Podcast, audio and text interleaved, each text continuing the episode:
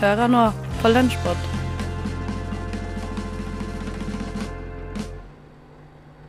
God sommer og god onsdag. Theis Magelsen er mitt navn. Og den neste halvtimen her i Radio Nova sin lunsjpod så skal du få høre noen av de mange høydepunktene som ble sendt på kanalen forrige uke. Og i ukens lunsjpod så skal vi blant annet innom noen tips for å takle tordenvær. Vi skal høre en litt spesiell film og få noen tips til vasking. Men aller først så skal vi få noen eh, andre tips, nemlig til hva du kan gjøre i Oslo i sommer, eh, spesielt hvis lommeboka er litt grann tynn. Håkon Christoffersen fra Studentnyhetene han har laget ei liste. I disse tider avlegges de siste eksamene på universitetene og Høgskolen i Oslo, og vi kan snart nyte sommerferien. Her har du fem ting du kan gjøre i Oslo i sommer som er nesten gratis. Nummer fem, vi starter listen med en kjent perle. Botanisk hage er et perfekt sted å tilbringe en varm sommerdag. Botanisk hage har planter fra hele verden og flere kostnadsfrie arrangementer. Humlevandring kan anbefales. Botanisk hage ligger godt plassert på Tøyen, bare en spasertur unna Tøyenbadet. Altså to attraksjoner som fint kan kombineres på en dag. Nummer fire. Hvis det derimot ikke er en flott sommerdag, kan du ta turen til Nasjonalmuseet, som har gratis inngang på torsdager. Nasjonalmuseet har masse å by på, bl.a. utstillingen Utestemme, som ifølge Nasjonalmuseet selv sprenger rammene for museet. Et flott tips på en regnfull dag. Nummer tre. Ta turen til en eller flere av Oslos mange fine kostnadsfrie konserter og festivaler, som f.eks. Oslo Musikkfest, Melafestivalen, Granittrock, Sesong Musikkfestival og mange flere. Oslo leverer sterkt som kulturby, og du har ingen grunn til å sitte hjemme. Nummer to. Utforsk din egen by. Unngå de klassiske turistfellene og ta deg en tur i en bydel du sjeldent eller aldri er i. Oslos bydeler har mange skjulte skatter. Hold deg unna Majorstua og Grünerløkka og opplev hva Oslo har å by på. Nummer én, bruk ruterbilletten din. Du må ikke glemme at ruterbilletten også fungerer på alle Oslos ferger. Hovedøya, Gressholmen, Langøyene med fler ligger bare klare til å utforskes. Jeg anbefaler Lindøya og ønsker deg en riktig så god sommerferie. Mange fine øyer i Oslofjorden, bare å sjekke dem ut. Takk for tipsene, Håkon, og takk til Studentnyhetene. Lyssna istället till Radio Nova. Åsmund Eikenes har nettopp gitt ut boka Håkon. Han var innom tekstbehandlingsprogrammet her på kanalen og tok en prat med Stine og August. Her i tekstbehandlingsprogrammet så har jeg og August besøk av forfatter Åsmund. Vi snakka om eh, boka Håkon. Eh, og Håkon er også navnet på hovedpersonen i boka. Eh, jeg føler ikke at vi får vite så veldig mye om han i starten, men at vi på en måte gjennom de situasjonene som han kommer i, da, blir mer kjent med han. Men jeg føler også at jeg heier på han. Jeg vil liksom kjefte på han noen ganger fordi jeg syns han er, oppfører seg teit. Han er ikke sånn kjempesympatisk egentlig, syns jeg.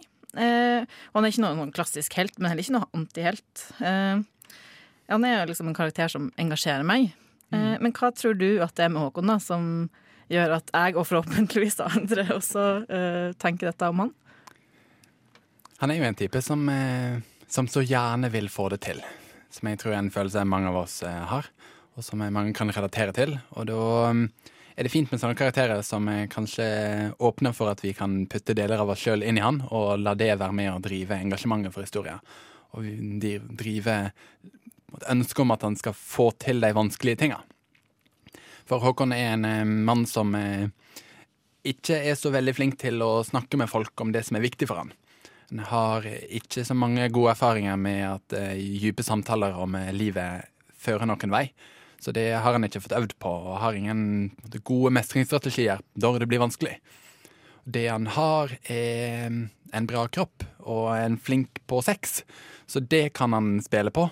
Men når det kommer til å være ærlig og være sårbar og vise fram hvem han egentlig er, så veit han ikke hvordan han får til det. Og det mm, gir han jo noen utfordringer som han eh, får på løpende bånd i denne boka.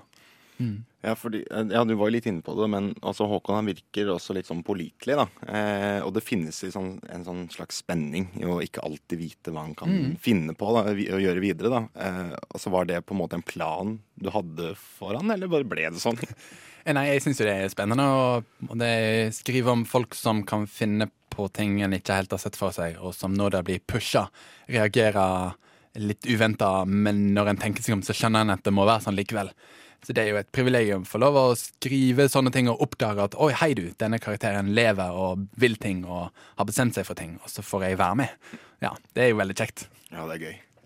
Altså, han er jo på mange måter bare en helt vanlig fyr. Eh, men er, er det liksom, kan det være risikabelt, eller det er helt naturlig å ha en sånn vanlig fyr da, som skal bære fram denne historien?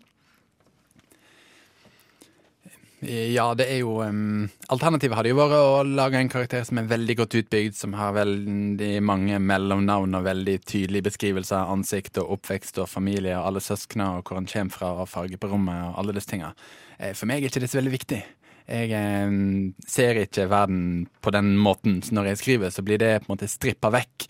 Det er eh, ja, jeg er mer interessert i hvordan eh, reagerer de på det som skjer rundt dem, og hvordan prøver de å komme seg fram til det de har lyst til. For han boka, åp, boka åpner med at Håkon gjerne vil ut av dette forholdet han har til Arve, samboerskap som har vært nokså lenge, som blir for tøft. Det blir en maktubalanse som går over grensa, og da vil Håkon videre. Og da har jeg syntes at det har vært spennende å prøve å utforske hva hva skjer i brytninga mellom at han vil inn i et nytt forhold, mens vi som leser samtidig er veldig bekymra for hvordan han har det med seg sjøl og inni seg. At han er på jakt etter noen andre der ute, og vi kan ikke sitte og heie på at han skal se litt innover, og på en måte også få være litt seg sjøl. Som du sier, så er det jo eh, veldig lite informasjon om Håkons på en måte eh, fortid og bakgrunn og alt det her. Er det også litt et bevisst valg for at det skal være lettere for leseren å relatere til Håkon? Eh, ja, og helt med vilje. Jeg har ingen ønske om å skrive måte, forhistorier som forklarer ting, eller som skal være måte, den hendelsen for fem år, år siden som gjør at jeg nå reagerer sånn. Det syns jeg fort kan bli måte, for skjematisk. Jeg tenker Det er mer spennende hvis det er åpent, og leserne kan legge i det det de vil. Jeg hadde en veldig tydelig plan om å ikke skrive bok om å komme ut å skape. Det syns jeg vi har nok av.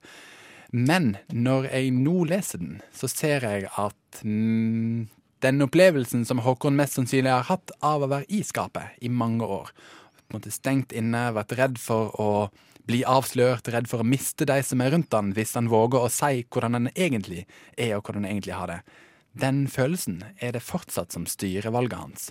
Så selv om han nå er åpen og fri og lever på en måte veldig uproblematisk homo, så har det gjort noe med han å være tenåring i skapet i mange år.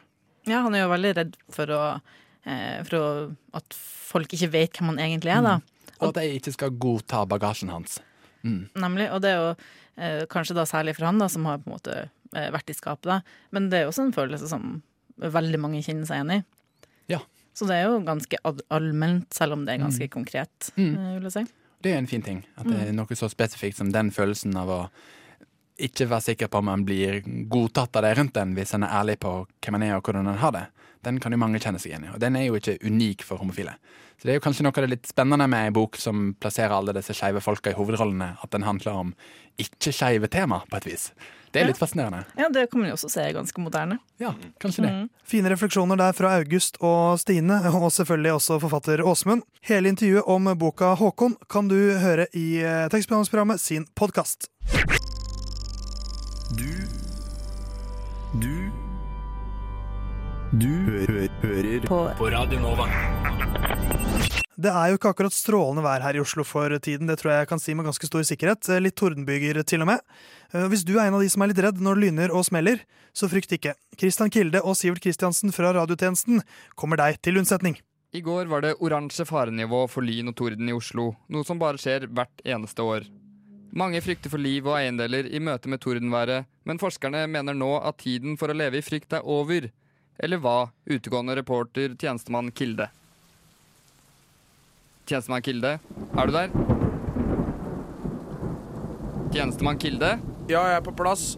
Hva skal jeg gjøre? du har jo intervjuet forskere og funnet ut eh, av hva lytterne kan gjøre for å redde livet og eiendelene under tordenværet. Kilde, Ja, du har intervjuet forskere angående lynnedslag. ja, Ja, ja, jeg begynner. gjør det, du. Ja, skal du starte? Jepp. Da setter vi Kanskje redd for tordenvær. Prøv tipsene de beste forskerne gir. Forskere jeg har snakket med helt selv på egen hånd, hadde mange gode tips og jeg har samlet opp ti av dem i denne listen. Vi fortsetter til tips 1. Tips 1. Prøv å være inne. Det er ingenting verre enn å være ute under regn og torden, og enda verre hvis lynet titter frem i øyekanten. Lyn er skremmende og kommer før du aner det.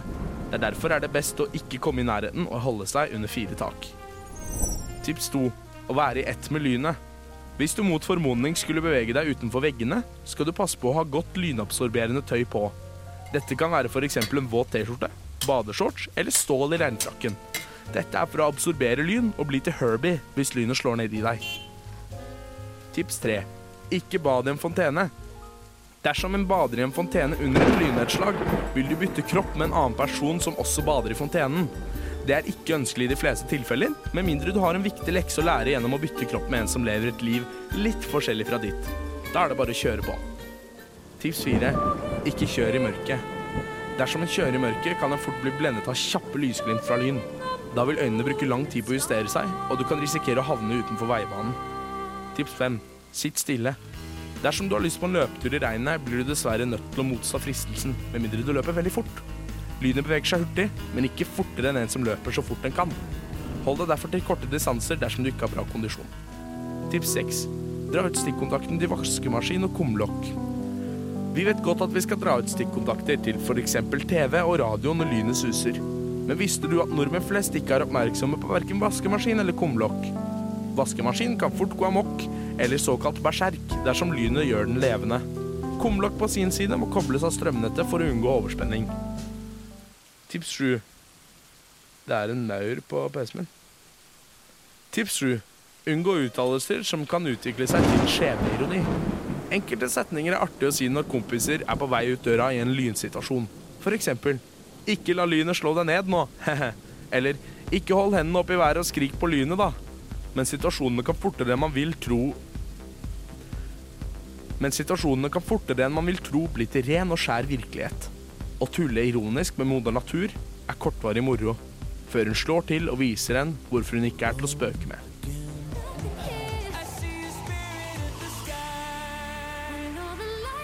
Tips 8. Ikke hør på Keinos låt 'Spirit in the Sky'. Låten fikk kanskje flest publikumsstemmer under Eurovision Song Contest 2019 i Tel Aviv, Israel. Men det kunne ikke blitt en dårligere idé å synge eller spille eller ellers fremføre denne låta. Ikke engang i små øretelefoner med lite til ingen lydsøl kan dette bli en god idé. Sjelen i skyr har ingen ørepropper. Tips 9. Ikke følg strømmen. Strømmen kan lede vei og være en fristende ledestjerne for en usikker person, men i tordenvær kan å følge strømmen være dødelig. Strøm er farlig, og dersom du f.eks. tar toget til Bekkestua for å skate med Niklas og de andre, men egentlig ikke er så spesielt begeistret for skateboard selv og heller skulle ønsker å spille Age of Empires 3 hjemme, kan konsekvensene bli fatale. Aldri følg strømmen om drømmen. Tips 10. Hør på meg. Jeg har ikke kødda når jeg ber deg om å følge disse tipsene. Det er gode tips, så vær så snill å ta det seriøst. Sivert tror kanskje at jeg ikke snakket med forskere, men det gjorde jeg. Og de var alle enige at disse ti tipsene er det som skal til. Unngå å være død, og vent med alt annet til faren er over. Tilbake til skogen. Studio, mener jeg. Selv er jeg i hvert fall veldig fan av tipset 'prøv å være inne'. Men du der hjemme kan jo teste ut et par av tipsene til Christian i løpet av sommeren. Radio Nova er best. Alle andre er tapere. Radio Nova. Tone, Magnus og Jakob i studentprogrammet Baklengs inn i Lånekassa. Det er neste godbit i ukens lunsjpod. De svarte på et spørsmål knyttet til et av de virkelig store problemene som ofte oppstår når man bor i et kollektiv renhold. Vi sitter jo her da og prøver å løse livets store issues, og nå har vi, har vi et av disse her, som er en klassiker. Hei. Jeg har ei utfordring som heter vaskelista. Jeg bor i et kollektiv med fire andre, har bodd der siden januar i år. Først, jeg er nok over gjennomsnittet nøye på vasking, men allikevel så prøver jeg å tilpasse meg livet i et kollektiv. Jeg bryr meg ikke om andres rotete rom, og jeg klager ikke over at det alltid er jeg som holder kjøkkenet skinnende rent, for det er bare jeg som syns at det er veldig viktig. Jeg har bodd i to forskjellige kollektiv før hvor andres vasking ikke har plaga meg, men nå er det enkelte ting som irriterer. Har for eksempel for, eh, foreslått å lage en rutine på regelmessig støvsuging av sofaen, hvor vi inntar nesten alle måltid. Det har foreløpig ikke blitt noe av. I tillegg så bærer vaskinga preg av fort gjort og enkelt, og at støvsuginga eh, av gulvet er alt som trengs. Forsøker stadig med utsagn av typen 'så fint med støvsugd gulv', husker du å tørke støv på TV-bordet og i vinduskarmen òg? Noe de gjør, men aldri uten en påminnelse. Er ganske konfliktsky. I tillegg så syns jeg det er vans et vanskelig tema å ta opp, fordi jeg sjøl er så mye mer nøye. Men allikevel så mener jeg at det trengs en gjennomgang av vaskerutine. Hvordan ta opp en sånn samtale på en hyggelig måte? Vi er studievenner som bor sammen, og jeg er redd at dårlig stemning hjemme også ødelegger for det sosiale livet mitt på UiO. Dette er den perfekte stormen. Ja, hva tenker du, Jakob? Du ser oppgitt ut. Jeg tenker at uh, du må drite i å være litt konfliktsky. Du må bare si hei, yo, vi Altså, eh, for, for å ta mitt synspunkt på det der, så eh, bor jeg også i et kollektiv der vi er jævlig dårlige på å vaske. Ekstremt dårlige på å vaske. Og av og til kan eh, bli litt hva sånn Vask dette jævla badet nå. Men det funker. Det funker. Og da, da går jeg og vasker det jævla badet. Ja, man må være strenge, rett og slett. Man må være litt streng og bare sånn det, Herregud, nå ser det ut som et uh, horehus som er blitt bomba i, under andre verdenskrig.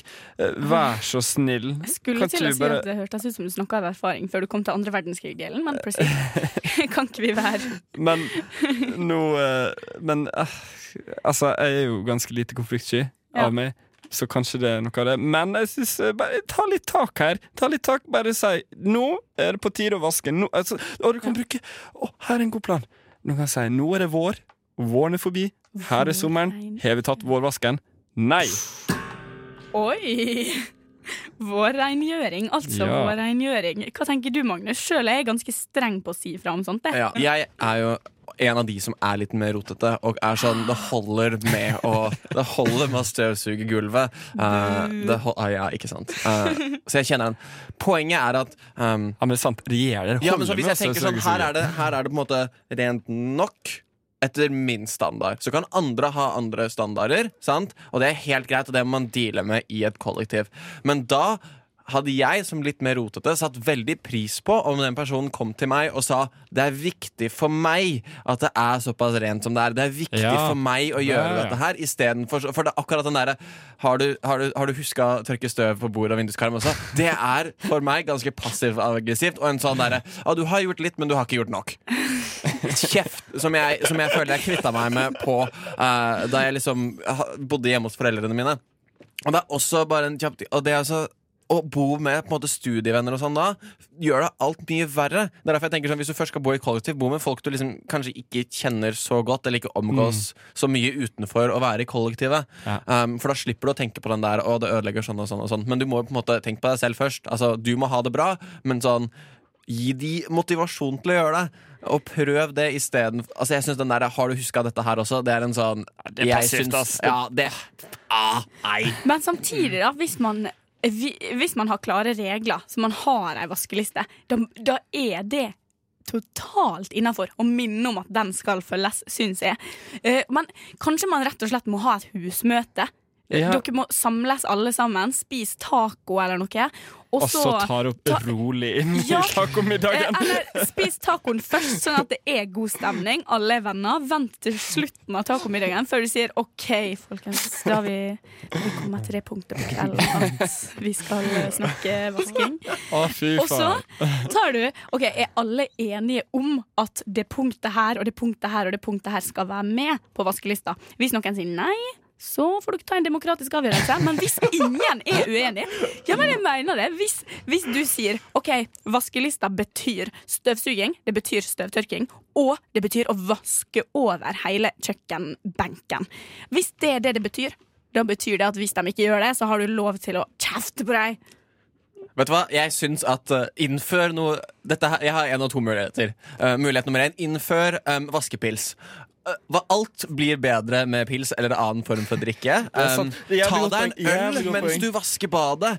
Ta deg en øl mens du vasker vinduene. Og så da gjerne, hvis det er din tur å vaske, så er de andre sammen liksom når det er din tur å vaske, så resten av huset spanderer liksom en bit av en øl, så du kan ta deg en øl mens du vasker. Fordi dette der gjorde vi i høst i kollektivet. For eh, det var sånn fire fredager der vi satt og drakk viner og koste oss. Og så var det sånn Nei, men faen, skal ikke bære ned den hylla i kjelleren? Og så var det sånn Ja. Og så, og så en annen gang så eh, så nevnte jeg bare i, i forbifart at det var et piano to kvartaler nede. Og så sa jeg skal ikke vi bare gå og hente det pianoet? Ja. Jo, det skal vi gjøre! Og så gikk vi og henta det jævla Hvordan fikk dere det opp? Vi, vi ringte et vors, og så Hjelp. kom jeg Ikke sant? For det, det, er det, som, det er det samme som når du, når du er ute og maler og det er varmt ute, istedenfor at ah, fader, nå er det så sinnssykt varmt og jeg står og maler. Ta deg en pils. Da blir det koselig å stå ute i sola med en pils. Ja, kanskje, når vi først er på pilsinga, så kan vi jo innføre også straffepils. De som ikke tar vasken, må spandere pils. Om, om man ikke følger vaskelista, må man spandere pils. Sant? Pilsen Ja. bringer studentene sammen. Pils, pils, pils, pils, Ja, ja, men sann, alkoholen den eh, skaper mang et problem, men er tydeligvis også nøkkelen til, til mange løsning. Takk for gode tips uansett, Tone, Magnus og Jakob. Radio Nova er eh, best. Alle, alle, alle andre er eh, tapere. Radio Nova er eh, best. Radio Nova. Radio Nova. Siden 1982 har Radio Nova gitt deg favorittmusikken din før du visste at du likte den.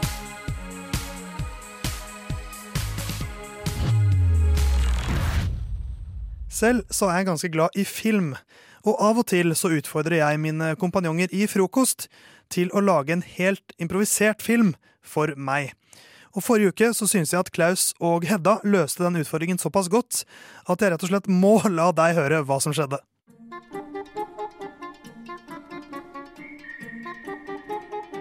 Å neimen, her var det jaggu meg knusktørt. Hva, tenker han, har de funnet meg her? Jeg som trodde jeg var så langt borte. Hva er det han ser i horisonten? Graven ligger klar. Han er alene. Mars er dødt. Manusforfatterne. I Manusforfatterne så skal uh, Theis her gi Hedda og Klaus en oppgave. De skal lage en film for meg. Ja. Og uh, den uh, lager de litt sånn annenhver gang. Annenhver setning, annenhver replikk osv. Noe som driver handlingen framover. Eh, og så blir det en full, fullverdig film til slutt. Og jeg legger selvfølgelig noen retningslinjer og noen rammer for hvordan en film skal være, i og med at jeg er regissør. Ja, selvfølgelig. Man må jo det. Ja, jeg må jo, Ja, må du jo er jo delegere. sjefen. Det er jo Sjefens oppgave er å delegere. Ja. Så denne uken delegerer jeg en film til dere som finner sted i middelalderen. Ok. For dere har en tendens til å bruke eh, pistoler i deres filmer. Jeg tenkte at hvis vi plasserer det i middelalderen Det er er ikke så sikkert. Det er Hedda som Så får vi se. Det kan godt hende de det kommer- sånn, og så skyter han! Så får vi se. Det finnes jo Ok. ting man kan skyte med i middelalderen nå, men kanskje ikke en vanlig pistol. Pil og bue. Han tar fra pil og bue og skyter en, en tønne som eksploderer! Nå må ikke du spoile, spoile Spoil. slutten før vi begynner. Jeg tenker denne, denne filmen finner sted i en eller annen borg. En sånn generisk borg et eller annet sted i Norge. Eh, og to hovedpersoner som, kan, som dette er eller de skal, de skal spille hovedpersoner i hvert fall, er Knut Nærum og Charter-Svein. Jeg er Chartersvein. Fritt for å være Chartersvein. Jeg vet faen ingenting om Knut Nærum. Han er bare litt sånn Men, eh, men da har dere skjønt okay. konseptet. Det er altså en, ved en eller annen borg i Norge. eh, I middelalderen, Knut Nærum og Charter-Svein på et eller annet eventyr. Ja. Dere er klare? Hedda, du kan starte. Okay. Da sier jeg action. Knut Nærum og Charter-Svein rir på hver sin hest. Klukk, klukk, klukk, klukk, klukk. Charter-Svein, er du klar for vårt nye oppdrag? Jeg er så klar! Jeg er så klar, altså. Ehm, eh, hvor skal vi nå? Jeg er klar for å bli filma. Nei, vent, vi er i middelalderen. Det er ikke kamera der. Nei, vi skal jo til den nye den, den nabobyen og plyndre og voldta og drepe og stjele alle tingene de sine. Men, men, men Knut, det, det er ikke det er ikke helt vår stil å voldta og plyndre, men eh, jeg er med så lenge jeg får betalt, tenker Det er jo i middelalderen. Alle kan gjøre det da. Ja, stemmer det. Ja, ok. Ja, men eh, da rir vi av gårde. Ja. Uh, de rir gjennom skogen, men plutselig hopper det fram en gammel kjerring opp fra kant ut av skogen. Å, shit! Knut, ser du hun der, eller? Hallo, jeg er en gammel trollkvinne, og jeg forbanner dere. Ah, det gjorde vondt i tissen min når du sa det. Jeg har gjort dere Jeg har gitt dere klamydia. Og, og i middelalderen finnes det ingen medisin, så dere kommer til å få klamydia hele tiden. Charterstein har klamydia fra før, så da skjer det Å nei! Jeg har klamydia fra før. Så, uh, så, så klamydiaen mot klamydiaen går mot hverandre. Og eksploderer! Hva er det som skjer, tenkte Knut Nærum. Jeg blir jo nødt til å gjøre noe. Jeg blir nødt til å gripe inn. Knut Nærum drar fram pil og bue. Han skyter. Hvem skyter han? Han lukker øynene og skyter i blinde. Å nei, sorry, Charter-Svein. Det var ikke meningen. Det går bra, jeg er klamyd. Jeg kommer til å dø fra den uansett. Knut Nærum sier til trollkvinna Vet du hva, du har gitt meg ny innsikt. Jeg har begynt å respektere kvinner. Med klamydia. I middelalderen så pleide jeg jo ikke å respektere kvinner, men nå har du vist det som en sterk karakter. Uh, og det verdsetter jeg. Og jeg, Charter-Svein, jeg bare lurer på hvor På hvor, hvor, er, hvor er pengene jeg får for å bli med Knut Nærum på tur? For det burde, TV3 burde Nei, det er middelalderen. Jeg glemmer at det er middelalderen. Vi er nærme oss slutten. Der, Knut Nærum sier 'kom med meg, trollkvinne'. Trollkvinna hopper opp på hesten, og de rir av sted ja, ha, ha det, da. Ha det, ha det Charter-Svein. Han blir igjen i skogen, han da. Han blir den nye trollkvinnen med klamydia. Han tar over jobben. Og sånn uh, går uh, tidshjulet ruller rundt. Åh, jeg svetter Det er jo det som man sa i den tidsalderen. Det må alltid være en klamydia-kvinne i skogen. Charter-Svein tok kjønnsoperasjon i skogen Jeg òg. tenker på Dette var starten på feminisme, da. Ja, og hva heter filmen? Chlamydia. Chlamydia. Nei. Tenk at eh, feminisme startet med klamydia. Hvem hadde Nå- trodd? Og nå- Knut Nærum. Nå, nå lærte jeg mye. Alt starter med klamydia. Og med Charter-Svein, filmen kommer på kinoer i Norge til høsten. De klarte å lure inn en eksplosjon der også, Hedda og, og Klaus, som gjorde en god figur, syns jeg, som både Charter-Svein, Knut Nærum og klamydia-heksa, som hun vel ble døpt til slutt. Jeg Nova. Radio Nova. På, på, på. Radio. DAB og nettradio. På radionova.no. Jeg har egentlig sagt det, men jeg kan si det en gang til. Radio Nova. Semesterets siste lunsjpod den drar seg mot slutten. Men her på Radio Nova så er det fortsatt ting som skjer i løpet av sommeren. Dungeons and Dragons-programmet her på kanalen, som heter Eventyrtimen, de skal fortsette et par uker til. Og de har til og med fått en helt ny kjenningsmelodi. Den heter Joining Forces og er laget av en annen kar her på Nova, nemlig Håkon Bekkeseth. Så før vi sier farvel for denne gang, så skal du få høre hele den nye introlåta til Eventyrtimen.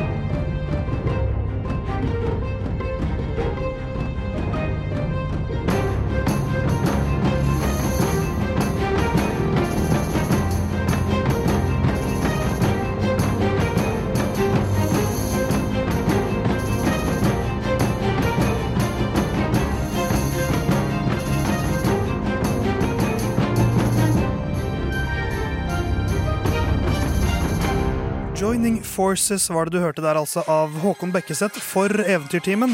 Det ble mitt eh, farvel til deg i det som er semesterets siste lunsjpod. Jeg håper du har kost deg med all den bunnsolide radioen som har blitt skapt her på Radio Nova dette semesteret. Vi er tilbake i midten av august, og du, ha en fin sommer, da. Siden 1982 har Radio Nova gitt deg favorittmusikken din. Før du visste at du likte den.